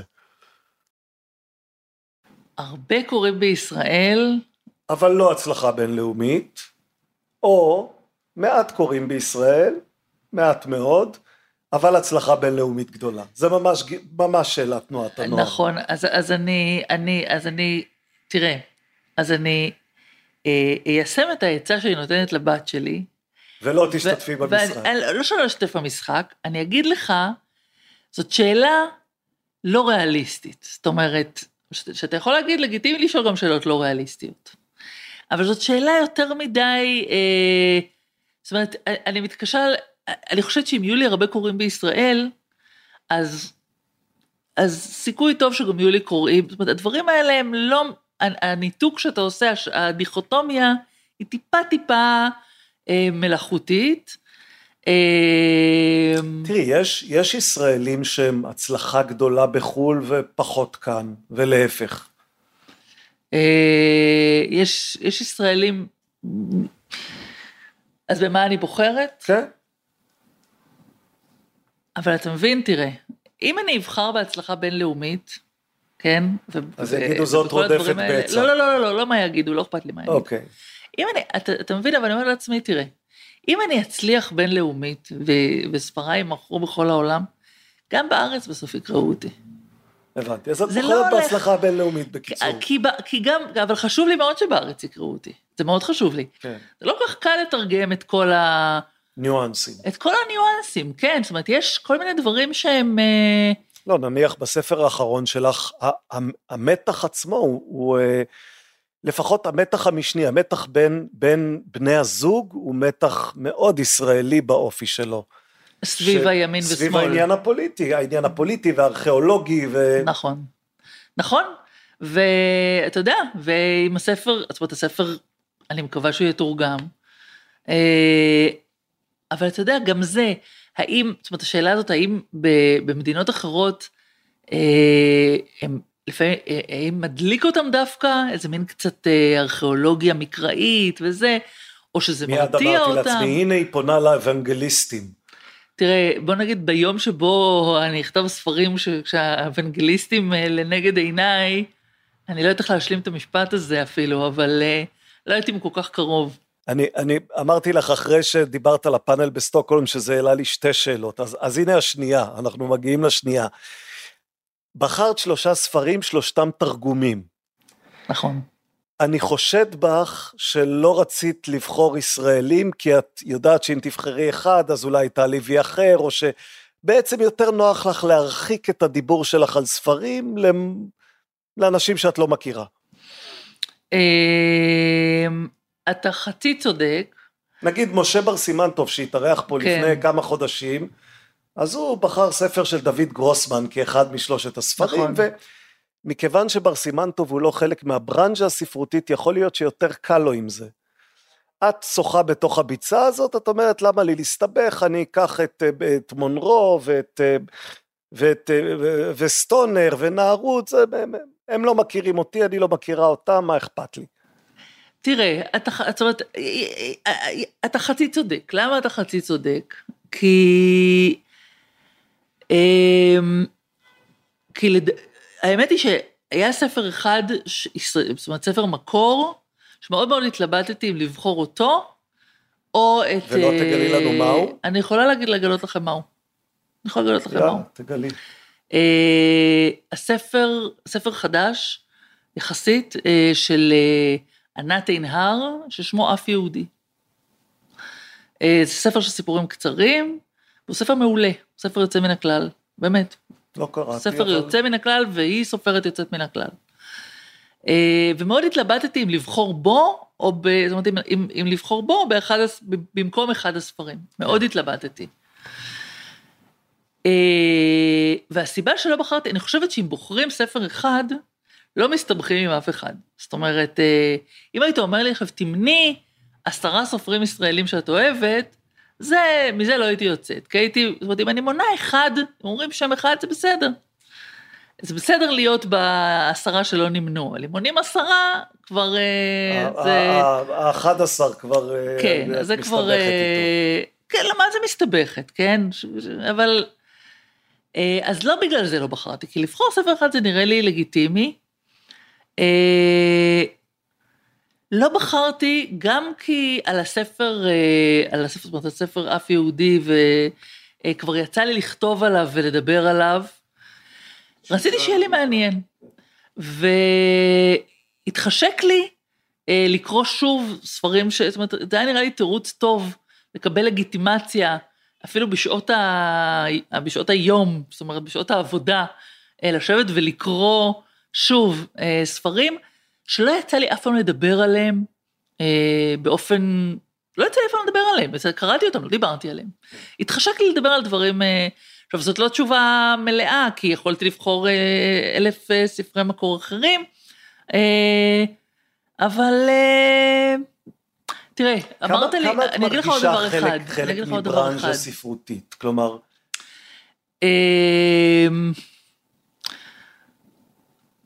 אני מרגישה, אני אגיד לך משהו, ברנז'ה זו מילה שיש לה המון קונוטציות שליליות, וגם יש בה משהו אה, ציני. קהילה.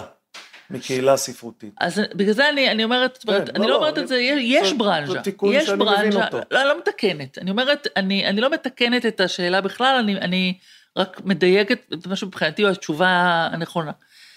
אה, אני מרגישה, אולי זה, אולי זה סוג של נאיביות שיש בי באופן מפתיע, אבל יש בי, בן אדם במובנים מסוימים נאיבי. אני מרגישה יותר דווקא בשנים האחרונות, למרות מה שאוהבים להגיד, שיש נורא, בספרות הישראלית, יש המשאבים נורא מועטים, והכסף נורא מעט, ונורא מעט פרסים, והכל נורא מעט, אז יש נורא נורא תחרות, ויש המון קנאה וצרות עין. וצרות עין ואגו, ואני מניחה שהכל נכון, וגם פה ושם אני נתקלת בביטויים של, ה, של הדברים האלה, אבל אני גם מרגישה שיש המון המון אה, חברות, ותמיכה ואכפתיות, ואני מרגישה שיש לי אה, לא מעט חברים וחברות שהם סופרים וסופרות, שהם, אה, שגם אני יכולה, שגם תומכים בי באופן, בין אם ברמת השיחה והעזרה והקריאה וה... ובין אם באופן פומבי, וב... וגם אני כמובן בהם. וכשאת זוכה בפרס אז הם שמחים בשבילך. כן. ולא מצטערים בשביל עצמם. תראה, זה לא סותר. זה לא סותר. אפשר, זאת אומרת, אם מישהו לא זוכה בפרס, הוא בדרך כלל מצטער בשביל עצמו. זה לא הופך אותו לבן אדם רע או צר עין, וזה לא אומר שהוא לא שמח בשביל מי שזכה. באופן כללי, אני חושבת שרוב האנשים הם אנשים טובים. באמת אני חושבת ככה. אני חושבת שרוב האנשים הם רוחשי טוב בספרות ומחוצה לה. אה, נכון שאתה יודע, כש... אה, זאת אומרת, אני פה ושם, אני ואחרים, אני נתקלת ב, ב, בביטויים של לפעמים איזה שטנה, שנורא נורא מפתיעה אותי. את מרגישה את זה כלפייך גם לפעמים? מה, באיזה נסיבות? יש כתבה בעיתון, ראיון. הנה, ביום שישי הקרוב יהיה, יהיה איתי ראיון. יום שישי בטוחה... הקרוב זה כשאנחנו מקליטים, כשאנחנו יתפר... מקליטים. זה כבר יהיה ב... נכון, בדיעבד. אולי אני לא אמורה כן. לחשוף לא, את לא, תאריך לא, ההקלטה, אתה יודע, אבל... הכל אבל... טוב. כן, אז אני בטוחה ש... שבתגובות, שהן כמובן, אה, מה לעשות, זה המקום שאפשר להתחבא בו. אה, בטוקבקים, כן. כן, אוקיי. וזאת אומרת, אתה יודע, אנשים, אה, שוב... יש לך אור, את קוראת, אני, שתי, שתי, שתי שאלות. אם אני קוראת את התגובות, והאם יש לך אור דק או עבה כשמדובר בתגובות כאלה של טוקבקים? אני קוראת. ו... בזאת נתת סיבה לעוד המון אנשים לכתוב, את מבינה. שיכתבו. אוקיי. שיכתבו, אני חושבת... ואת קוראת ונעלבת? מתוך, אני אגיד לך מתוך מה אני קוראת. אני אגיד לך מתוך מה אני קוראת. מתוך איזה חינוך שקיבלתי, אה, עיתונאי דווקא, בימיי בעיתונות, שאומר, חינוך שוקניסטי, שאומר, את, נתנו לך 80, במקרה של ספר, נתנו לך 80 אלף מילה לדבר, בלי הפרעה. 80 אלף מילה דיברת עכשיו, באמת בלי הפרעה. עכשיו, את תשתקי, ואת, ו, ומותר גם לאנשים אחרים להגיד מה דעתם, זה, זה לגיטימי. זכותם להגיד את דעתם. לא חי... ואת לא חייבת גם לענות אחר כך על כל דבר. את נעלבת? אמ, אם כותבים לי דברים מעליבים, מה, אני נעלבת. מה מעליב אותך? תגידי לי מה, מה לכתוב כדי שתעלבי.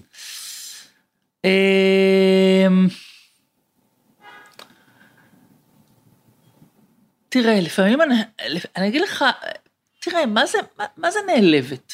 לא, יש, את יודעת, יש, אה, הם יכול, יכולים לכתוב שהספר שלך גרוע, יכולים לכתוב שהתסרוקת שלך גרועה, יכולים לכתוב שהפוליטיקה שלך גרועה, יכולים לכתוב שאת משעממת, יכולים לכתוב שאת מעצבנת, לא יודע, מה, מה, מה מעליב אותך?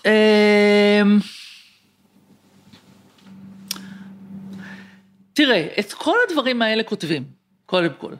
כל, זאת אומרת, את כל הדברים האלה כותבים, וגם, אז יש לך ניסיון, וגם, אז... וגם דברים, וגם, וגם כותבים דברים מאוד טובים, יפים. בוודאי, בוודאי. אבל את כל הדברים האלה כותבים... אבל מהם את לא נעלבת. אה, מהטובים אני, מהטובים מהטובים לא אני לא נעלבת. כן. תראה, אני, אני חושבת שנעלבת זאת המילה הנכונה. זאת אומרת, אני אגיד לך ממה אכפת לי. לא יודעת אם נעלבת. אני אגיד לך ממה אכפת לי, או מה, או מה רלוונטי לי. כן. אם כותבים לי שהתסרוקת שלי מכוערת, או שאני שמנה, או שאני זקנה, או דברים מהסוג הזה, שאנשים יכולים לכתוב. זה דברים שיותר קל לבטל אותם. אבל לפעמים אנשים כותבים דברים אה, מעניינים ומנומקים. וזאת אומרת, זה נוטים לשכוח, זאת אומרת, אמרתי לך טוקבקים, ישר ביטלת, אמרת, טוב, טוקבקים. אני מבינה למה. פה ושם, זאת אומרת, אני מתייחסת לדבר הזה, זה גם הדבר שאני מרגישה ש, שהוא דו-שיח לגיטימי. יש אנשים שקוראים, זאת אומרת, שקראו את הספר, קראו ספרים אחרים, והם לא יכתבו איזה באמת, לפעמים דברים נורא נורא גס... אומרים לך, המהלך הזה גסים. בספר הוא לא, הוא לא... כן, המהלך הזה ככה, זאת אומרת, מנמקים, כותבים דעות, עמדות, רעיונות ומחשבות מנומקים, והדברים האלה, אכפת לי מהם במובן הזה שהם מעניינים אותי. מעניין אותי לקרוא מה אנשים חושבים. אני נוטה לא לבטל אה, באופן אוטומטי ביקורת. זאת אומרת, אה, אני חושבת שיש היום מאוד... אה, מאוד אה, נטייה אה, לבטל ביקורת באופן אוטומטי, השאלה אם זה לא כלא נטייה. רלוונטית. השאלה אם זה לא התפתח כתוצאה. מהעובדה שהביקורת נהייתה כל כך אגרסיבית בניסיון שלה לבטל את היצירה, עד שליוצרים לא נותרה ברירה אלא לבטל את הביקורת כביקורת. כלומר, השיח נהיה לא ענייני משני הצדדים, התחושה היא שהביקורת רוצה לצבור נקודות על הגב של היוצרים בכל מיני פרובוקציות, ואז היוצרים מגיבים בפרובוקציה חוזרת שהיא למי אכפת מהמבקרים.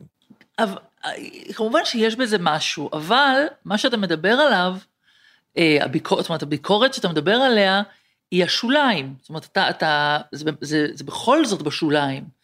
גוף הביקורת הוא, הוא עדיין, זאת אומרת, רוב הביקורות הן לא לשם ההרגזה, או לשם הטראפיק, או לשם, או לשם, או לשם. התעוררת בבוקר והייתה ביקורת לא מחמיאה על ספרך, כמה זה מקלקל לך את היום או את השבוע? אה, תלוי, אה, תלוי מה סוג הביקורת. המבקרת שכנעה אותך שאחד המהלכים. שעשית בספר הוא מהלך לא הגיוני. אוקיי. אז מה, אז מה קורה? אני אה, חושבת על זה הרבה, מעסיקה את עצמי הרבה, הרבה, בזה הרבה. אה, וזאת אומרת, חושב, זה בהחלט זה, זה יכול מעסיק לקרות? אותי. כלומר, תתעוררי בבוקר ותגידי, עשיתי טעות, הספר, יש בו מהלך עלילתי שאכן הייתי צריכה בדיעבד לעשות אחרת? תראה, בדרך כלל הדברים הם לא כל כך, אה, חותכים. לא כל כך חותכים, כי הרי זה לא מבחן במתמטיקה. זאת אומרת, זה לא אישית, כאילו, הייתי, לא הוצאתי קוסינוס. זה לא... המהלך העלילתי שגוי או נכון, הרי אף אחד לא יודע להגיד. כן. אה, אבל אם ביקורת עוררה אותי לשאול את עצמי, זאת אומרת, אם, אם, היא, לא, אם היא עוררה את, אותי לשאול את עצמי שאלות על מה שעשיתי, להגיד, האם יכול להיות שזה לא מספיק? זאת אומרת, לא, זה, זה, אז, אז הביקורת היא מעניינת.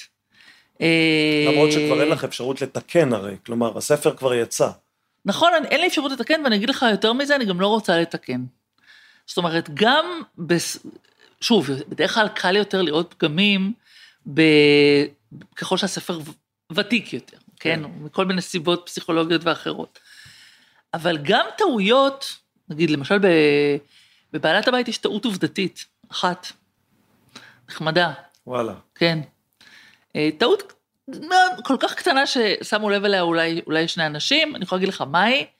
הגיבור עולה לחפש, הוא, עולה, הוא קורא את הדוקטורט של אמא שלו, והוא מוצא את הדוקטורט בקומה החמישית של הספרייה בגבעת רם. רק שבספרייה בגבעת רם יש שלוש קומות, הבנתי. אין חמש. יפה. גם מי, אם... מי שם לב? אה, אני לא זוכרת. מישהו אוקיי, שם לב. מישהו שם לב. עכשיו העניין הוא שכמובן במה נופלים? נופלים במה שלא בודקים כי בטוחים שזוכרים. לא טרחתי לבדוק את זה כי זכרתי שהייתי שם, הייתי בספרייה הזאת לא פעם ולא. פעמיים. הייתי בקומה החמישית. אז אה, עכשיו, מאז שגיליתי את זה, יצאו לא יודעת כמה עוד מהדורות של הספר שיכולתי ולא לתקן. תיקן. ולא תיקנתי, עכשיו זו דוגמה נורא נורא קטנה, אבל לא תיקנתי כי, אה, זאת אומרת, אני רואה בספר איזה קפסולה של, אה, של קפסולה של כל מיני דברים, וברמה הפרטית שלי, זה קפסולה של מי שאני הייתי באותו רגע. אה, ו- וכשאני כתבתי את הספר הזה, אני טיפסתי. לקומה החמישית. כן. ו... אבל, אבל כנ"ל גם על דברים יותר מהותיים. זאת אומרת, לא הייתי רוצה לחזור ולשייף את כל הספרים שלי, כך שכל המהלכים, זאת אומרת, ספר זה יצור, אה, ספר זה, ספרות זה החיים. והחיים הם אה, פגומים, וגם ספרות רשאית להיות פגומה, זה בסדר. אני לא, אני, אני פשוט. זה מעניין אותי ואני גם מאוד מאוד נזהרת מהעמדה הזאת שאני רואה אותה לטעמי יותר מדי, אה, באמת של פשוט לבטל כל דבר שלילי, כ... זאת אומרת, אני, אני מרגישה שהיום, ה... זאת אומרת, כל האופציות קיימות של למה בן אדם כתב ביקורת שלילית, חוץ מאחת, שהוא לא אהב את הספר, באמת. זאת לא אופציה. ועוד פחות מזה, אני בכלל לא מעלה על, על באמת, לא שהוא מעלה לא על דל שפתיי. שהספר לא טוב. זאת, זה באמת, זה אין מה לדבר. זאת אומרת, זה באמת, שש, לא אומרים דברים כאלה. זה לא, לא יכול להיות. אבל גם האופציה שהוא פשוט קרא את הספר והתרשם ממנו באופן, גם זה לא. יש פה איזה מניע נסתר, יש פה זה, הוא לא אוהב כאלה, הוא לא אוהב כאלה, הוא לא אוהב, זאת אומרת, וזה, זאת עמדה שהיא מפחידה אותי, כי אני מרגישה שיש בה איזה חוסר צניעות, שאני מאוד מאוד אה, נזהרת מללקוט אה, בו. טוב, אני רוצה שנספיק לדבר כמה כן. מילים על אליס מונרו, אבל לפ, לפני זה יש לי... הידרדרנו פה לשיחה לגמרי על דברים אחרים. כן, את יודעת, לא נורא. ספרים, ספרים בסדר? מולידים, אוקיי. ספרים מולידים אה, שאלות מכל מיני סוגים. אז לפני שנגיע לאליס מונרו, כמה זמן לוקח עד שנמאס לך לדבר על ספר של עצמך? כלומר, יש ראיון ויש טוקבקים ויש ביקורות ויש פאנלים, ומתי את כבר אומרת, די, אני, כבר אין לי כוח לספר הלא נכון, אני כבר עם הראש בספר הבא, או בפרויקט הבא, או בעיבוד לטלוויזיה, וכבר אין לי כוח לספר של עצמי. ברמת הלדבר עליו, אף, לא קרה לי עדיין. זאת אומרת, אני לא אגיד אף פעם, אולי בעוד 15 שנה יימאס לי. כלומר, אם אני כה... מושיב אותך עכשיו לדבר על, על בעלת הבית, כן. עוד פעם שעה וחצי. ובוא אני אגיד לך גם עוד, עוד uh, משהו. כמה שספר יותר ישן, ככה אני מדברת עליו יותר יפה. כי, כי את מתאמנת. כי יש לי כל כך הרבה, נגיד, זאת אומרת, כי אני צוברת כל כך הרבה שעות שיחה עליו, וכל כך הרבה שעות הרצאה עליו, וכל כך הרבה שעות מענה לשאלות, שאני כבר ככה יודעת, זאת אומרת, הדיבור עליו הוא יותר... יותר יפה. אבל אין לך את הקטע הזה, נגיד, של, של זמר שעומד על הבמה וצועקים לו, תיתן להדרן את השיר הזה שכולנו מכירים, והוא כבר, נמאס לו לשיר את השיר הזה, והוא רוצה לשיר שיר אחר. אה, לא, אין לי. אה, זאת אומרת, אה, אתה יודע, דרך אגב, אני לא יודעת אם זה ייכנס לפודקאסט או לא, אבל אפרופו זה, אחד המערכונים הכי מצחיקים שראיתי בחיים, זה מערכון של היהודים באים, כל אה, קוראי הפודקאסט, כל אה, מאזיני הפודקאסט עכשיו, לכו ותכתבו ביוטיוב, אה, ביאליק נדנד, וזה בעצם מערכון שביאליק עולה למין במת חוב... במה כזאת, במין מועדון תל אביבי, והוא מתחיל לקרוא איזה פואמה על הרג ועל שחיטות ועל משהו ככה, וצועקים לו, נדנד, תעשה נדנד. זה אחד הדברים הגאוניים שאני ראיתי, זה פשוט אדיר. אה, אז זה אפרופו ככה, לא, לא, זה, זה, זה בדיוק אפרופו. מה שאני שואל עליו. אה, אז... אז אה, בעלת הבית הוא לא נדנד שלך, לצורך העניין. אגב, אם כבר נדנד, אם כבר את רוצה לדעת מה הנדנד שלי, כן. זה סטוקהולם. בגלל הטלוויזיה. מה שכן אני יכולה להגיד לך זה שכל פעם שיש לי הזדמנות, גם, גם עכשיו, ממש ברגע זה, זאת בגלל זה, בגלל זה, בגלל זה דיברתי, על, בחרתי בשלושת הספרים האלה. אמרת לי לבחור שלושה ספרים. זה לא שאלה שלושת הספרים האהובים עליי בכל היקום. אני לא הייתי רוצה לענות על השאלה מה הם שלושת הספרים האלה, לא יודעת. זה לא, לא, לא, כנראה שזה לא שלושת אלה. התנ"ך ופו הדוב זה שניים, חסר לי השלישי. כן, יוליסס, כמובן. אצלי הוא לא יהיה השלישי. אה, לא, אה, אז, אז, זאת אומרת, זה לא, זה לא שלושת אלה, אבל אה, אה, זאת אומרת, נעניתי בשמחה להצעתך ולאתגר, כי אמרתי, או, הנה משהו חדש. זאת אומרת, לדבר על שלושה ספרים, שלא יצא לי לדבר עליהם אף פעם, זה מעניין, זה כיף. אליס מונרו, אמ, אני אגיד לך ככה, אני, אני התוודעתי לאליס מונרו כשרעייתי ואני גרנו לפני המון שנים בקנדה, באונטריו, באותו אזור שעליו אליס מונרו כותבת את ספריה. כך ש... אה, לקרוא את סיפוריה כאשר אני יושב בתוך הנופים שעליהם היא כותבת. אה, קראתי אותה באנגלית באותה תקופה, כך שגם מתוך השפה ש, שבה היא כותבת, אה, והיא באמת סופרת נפלאה. וכשאמרת בריחה של אליס מונרו, אז אמרתי, רגע, זה בריחה שהיא רוצה, או זה אליס מונרו שהיא רוצה? זה אליס מונרו. כלומר, סתם בחרת אחד מספריה. אה, אמ, זאת אומרת, זה, זה ספר שאני מאוד אוהבת. אה, זה ספר שאני מאוד אוהבת, יש בו גם כמה ציטוטים שאני מאוד אוהבת, שאני לפעמים מצטטת אותם הכנת? הכנת לנו ציטוטים? הכנתי אחד. טוב, תכף, תכף נקריא אותו. הכנתי אחד, ש... יש פה פשוט ציטוט, יכול להיות שבגלל זה אני, ליבי נטה אליו. יש פה ציטוט שאני מוצאת את עצמי שולפת לעיתים אה, אה, קרובות.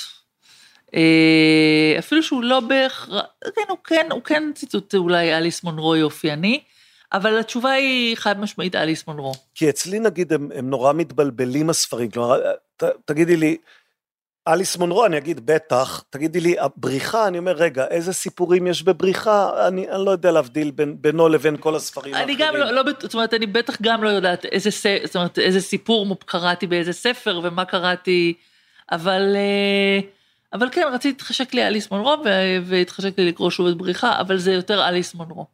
אליס מונרו. אולי, אולי בגלל שאת מתקשה לדמיין עיבוד של הסיפורים שלה לסדרת טלוויזיה?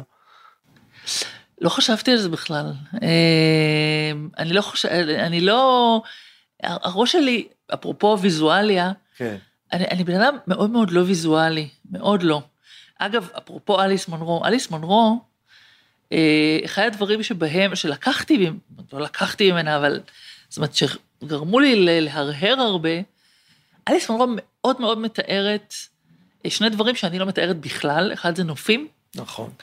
אה, והשני זה פנים. אה, היא מאוד מאוד מתארת אה, את הפנים של אנשים, בהמון המון פירוט. אולי בגלל שהיא כותבת מהעידן הפרה-טלוויזיוני בכלל, כלומר, היא צריכה לגרום לאנשים לדמיין דברים לפני עידן המסכים. אני לא חושבת שזה לא? בגלל זה. אני חושבת, אני, אני לא כותבת uh, מסיבה אחרת uh, איך אנשים נראים, כי אני לא יודעת. אני... כלומר, כשאת חושבת על הגיבורים שלך, את לא מדמיינת להם מראה. אני מדמיינת להם, אני, אני מדמיינת להם אה, אה, מראה, זאת אומרת, תווי, תווי מראה, או מאפיינים פיזיים, שהם ב, רק כאלה שהם בעיניי חלק מהאופי. כמו נגיד למשל, אה, נגיד אם מישהו, נגיד אה, בבעלת הבית, אה, כתוב שהם משפחה של אנשים גבוהים. הם אנשים גבוהים. בעיניי, זה כמובן דבר לגמרי לא, שאני לא יכולה לנמק אותו, זה לא, אין לזה, פשוט זה רק בעיניי, אבל זה, אה, בעיניי, להיות גבוה, זה, זה חלק מהאופי. זאת אומרת, להסתובב בעולם כאדם גבוה, זה לא עיניים ירוקות או עיניים כחולות או עצמות לחיים. ברור לגמרי שזה חלק מהאופי. אה, כן. את יודעת שבאמריקה הם תמיד, או כמעט תמיד, אני לא זוכר אם זה 100 אחוז או 99 אחוז מהמקרים, המועמד היותר גבוה ייבחר לנשיאות. כן, כן, נכון. אבל אתה יודע, אז אפשר, אבל אני אומרת, זה, זה דיון שאין לו באמת תשובות. האם עיניים כחולות זה חלק מהאופי? האם להיות בלונדינית זה חלק מהאופי? האם... כל מיני דברים. לא יודעת. אבל אני, אני חושבת שלהיות גבוה, זאת אומרת, זה איזשהו מאפיין. בסטוקהולם כתוב על אחת הדמויות שהיא שמנה. אני חושבת שלהסתובב כאישה שמנה 70 שנה בעולם, זה לא אה, מבנה עצמות לחיים, או, או אף אה, פחוס או פחות פחוס, זה ממש חלק מהאופן שבו את נושאת את עצמך בעולם, וזה ממש, אני חושבת שזה חלק מהאופי. טוב, אה, תקריא, תקריא את הציטוט מאליס מונרו. אפרופו אחת הדמויות ואחד הסיפורים, שבוחרת ללמוד לימודים קלאסיים, כן. לטינית ויוונית. ו... אה, אז כותבת אה, אליס מונרו, היא לא תהיה מסוגלת להגן על המוזרות שבבחירה שלה בלימודים קלאסיים. להדוף את דבריהם, אחר כך יש פה, אני ככה מדלגת, okay. כן. להדוף את דבריהם כמו שגבר היה הודף. בחירות משונות פשוט קלות יותר לגברים, שרובם מוצאים נשים השמחות להינשא להם. זה לא כך בכיוון ההפוך. זה ציטוט שאני אה, מאוד מאוד אוהבת, שבחירות משונות קלות יותר. שמת לב שגם כשבחר ציטוטים מסטונר, בחר ציטוט שהוא בעצם על, ה, על הפער המגדרי. יכול להיות שדווקא זה בדרך כלל לא אופייני לי לבחור דווקא את הציטוטים האלה, אבל יכול להיות שאני קצת במצב רוח... אה, במצב רוח של פער מגדרי? אה, במצב רוח של פער מגדרי. למה? ב... מה? אולי, אולי בגלל... עוררת את סקרנותנו. אה, אולי... אולי אפרופו, בגלל שהספר החדש אה, אה, עוסק בין השאר אה, ביחס לכתיבן של נשים, לא, לא לכתיבה נשית, אלא לכתיבה שכותבות נשים, ולמקום שמותר או אסור לכתיבה לתפוס בחיים שלהן, אה, אז אולי בגלל זה זה כרגע ככה יושב בקדמת המוח שלי ו... אליס מונרו זו כתיבה שכותבות נשים, נכון? היא אישה? לא, זה בסדר, זה, זה קל, זה ברור, אבל האם את יכולה לדמיין את הסיפורים של אליס מונרו נכתבים על ידי מישהו שאיננו אישה? זאת שאלה מאוד מאוד קשה. ברור. אה, תראה, כמובן שקשה לי כרגע לדמיין, מכיוון שאליס, אני מדמיינת את אליס מונרו כל כך אה, כותבת את הסיפורים האלה, וגם בגלל שהרבה מהם, אה, הגיבורות שלהם הם, הן נשים, אבל אני מאוד מאוד, אה, זאת אומרת, אני חושבת שזאת תשובה, אני מאוד נזהרת בתשובה הזאת, אה, בגלל שאני חושבת שזאת שאלה של כישרון ושל אמפתיה, ושלפחות אה, באופן, גם אם זה לא נפוץ, אה, אני חושבת שגברים לא בלתי יכולים לכתוב כלומר, נשים את... באופן מצוין, ו, ונשים יכולות לכתוב גברים באופן יוצא מן הכלל. זאת אומרת, זאת, זאת שאלה של כישרון ואמפתיה, ולא שאלה בהכרח אה, של מגדר. בשאלה שלי, אני חושב, יש יותר מזה, יש, יש אמירה שהיא כמעט סטריאוטיפית. כלומר, אני אומר, הסיפורים שלה זה התמות הקטנות, היומיומיות, הביתיות, הזירה שהיא מתעסקת בה היא זירה שאינסטינקטיבית אני מייחס יותר לכותבות נשים מאשר לכותבים גברים שמתעסקים בתמות הגדולות במלחמה ושלום ובכיבושי נפוליאון. אה, א', אני חושבת שכבר זה, זה, זה, זה פחות זה נכון. משתנה לשני הצדדים, לשני הכיוונים. אה, אני חושבת ש... שאלי, זאת אומרת, אני חושבת תוך כדי שאנחנו מדברים כמובן, ואני חושבת שאליס מונרו, היא גם כותבת, אה, אני חושבת שהיא גם כותבת טרגדיות של אה, גברים ששזורים בתוך החיים של הנשים האלה, ולטרגדיות אפיות. זאת אומרת, זה גברים שיוצאים למסעות קטנים או גדולים, לפעמים עלובים ובאמת כושלים, אבל, אבל אני חושבת שבבסיס הרבה מהמעשים של הדמויות שלה, יש אה, כוונה אפית. אה, ובמובן הזה לא פחות גורלי מאשר, אתה יודע, אה, כיבושים ו, ו, ודברים כאלה, אולי אפילו יותר. טוב, אני, אני אקנח בשאלה... נסחפתי, התלהבתי. לא, לא, זה, זה יופי. אני, כן. אני אקנח בשאלת תנועת נוער אחרונה להיום. בבקשה. אה, שומרת לעצמי את הזכות, אה, כן. סטונר, נערות ובריחה. כן. איזה משלושתם היית רוצה לכתוב? כלומר, איזה, איזה מהספרים האלה היית רוצה שיהיה שלך? סטונר. באמת? כן. אחרי, אחרי ההיסחפות עם בריחה, הייתי בטוח שתאמרי בריחה. סטונר. סטונר זה... זה ספר, אה, בסוף, מבחינת ה... משהו, זאת אומרת, האומץ הזה, אה, הנוקדנות הזאת, ה... ה... אה, כלומר, מה, את כמו המהנדס שבא ואומר, הגשר הזה זה, את זה בנה מקצוען אמיתי? כן. זאת אומרת, אני גם, משהו, אני גם, יש משהו בדבר הזה שאני, שאני, אה, זאת אומרת, מתחשק לי לשבת עם, אה, עם אה, ג'ון וויליאמס, ו... אבל אני מדמיינת שאנחנו יושבים ביחד ואומרים, נכון, נכון שכאילו בכוונה, זאת אומרת, שאנחנו, אה, מפליגים באיזה מין, אנחנו ככה מגרדים את הפצע הריאליסטי הזה ביחד, במין הת, התענגות סד... מזוכיסטית כזאת. זאת אומרת, אנחנו יושבים ביחד ואנחנו אומרים, זה נכון, לא ולא, ואיך לא נתת, אני אומרת לו, איך לא נתת להם, אפילו לא, זאת אומרת, אפילו לא ציון 85 לא נתת לו לגמור את הממוצע, לא, 80. זאת אומרת, אנחנו יושבים וככה מתענגים, ואני מראה לו כמה אני מעריכה את כל הנקודות האלה, אה? את אין ספור הנקודות האלה שבהן הוא לא התפתה. הוא לא התפתה לכתוב את הספר ככה, שכשהוא יצא, כולם יגידו, וואו, פגז. שהוא יצטרך אפילו הוא להתאפק ולחכות, ולא, זאת אומרת, עד שיום אחד יקומו ויגאלו ויהיה מי שיעריך אותו, ועדיין יהיו גם מי שלא יעריכו אותו. יש לי חברה מאוד טובה שהיא קוראת, היא יוצאת מן הכלל, בן אדם שקרא הכי הרבה ספרים שאני מכירה. היא לא, היא לא מבינה מה, מה, מה הקטע בספר הזה. היא אומרת לי, זה לא מעניין, זה משעמם. ואני פשוט קוראת אותו כמו, אני לא יודעת, כמו שאחרים רואים טלנובלה, זה פשוט, לא יכולה להפסיק לקרוא את זה, זה כל כך מעניין בעיניי. סטונר, אני מרגישה שיש איזה, יש לי איזה קרבה ל...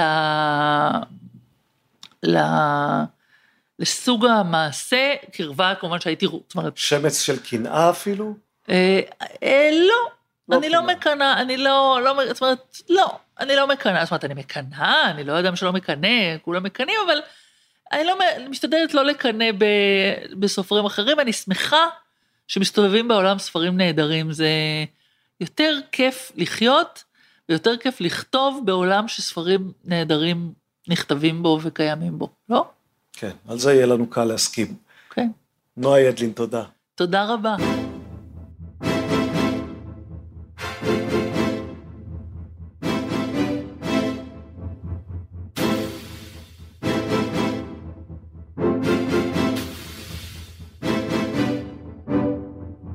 הכיפות והשועל, מדף של רעיונות לסקרנים ולסקרניות, תודה שהייתם איתנו. תודה לסופרת, נועה ידלין, שהסכימה להתארח אצלנו. תודה למחברים של סטונר, של בריחה, של נערות, שלושה ספרים של נועה ידלין המליצה עליהם. תודה למחברים של ספרי הכיפות והשועל, בשבוע הספר תוכלו למצוא שניים מהספרים של סדרת הכיפות והשועל, את כנופיית המפציצים של מלקולם גלדוול, ספר שעוסק במלחמת העולם השנייה ובדילמות של מלחמה ושל זכויות אדם ושל הגנה על חיי אדם, וגם את פחד, חרטה ומשאלת לב, ספרו של הפרופסור גדי היימן, זה ספר שעוסק באופן שבו מנהיגים מחליטים לצאת למלחמות, ספר מאוד רלוונטי בעיקר בעידן הזה שבו רוסיה נלחמת באוקראינה. אז שני הספרים האלה זמינים לכם, ולאחר שבוע הספר יצאו עוד שני ספרים חדשים, האם העולם באמת קיים, וההיסטוריה הכי קצרה של סין. כאשר נחזור לכאן בעוד שבועיים כדי להשמיע את הפודקאסט הבא, נדבר קצת על סין. כאמור, יש ספר חדש על סין, יהיה גם פודקאסט על סין, ואנחנו כאן פעם בשבועיים, מהדורה אחת סולו, מהדורה אחת עם אורח או אורחת. אנחנו מאוד מקווים שתהפכו את הפודקאסט הזה לאורח קבוע במכשירים שלכם, כלומר, תעשו עליו סוג של מינוי ותמליצו עליו ותפיצו אותו ותשוחחו עליו ותגיבו עליו אם אתם רוצים, אפשר להגיב עליו אם תלכו לאתר שלנו, kipshu.com, kipshu.com, שם יש גם את הכתובת שאליה אפשר לכתוב מכתבים או לשלוח תגובות. באתר תוכלו לקרוא עוד על המיזם שלנו ועל הספרים שלנו ולשמוע גם את כל הפודקאסטים הקודמים ולקרוא מאמרים שאנחנו מפרסמים מעת לעת. אנחנו מברכים על כל אורחת ואורח באתר שלנו ועל כל אורחת ואורח שבאים להאזין לפודקאסט שלנו. אז זהו, תודה שהייתם ושהייתן איתנו, מקווים שנהנתם, שבוע טוב, שבוע ספר טוב, חודש טוב, חודש ספר טוב, קיץ טוב, שיהיה רק טוב, להשתמע.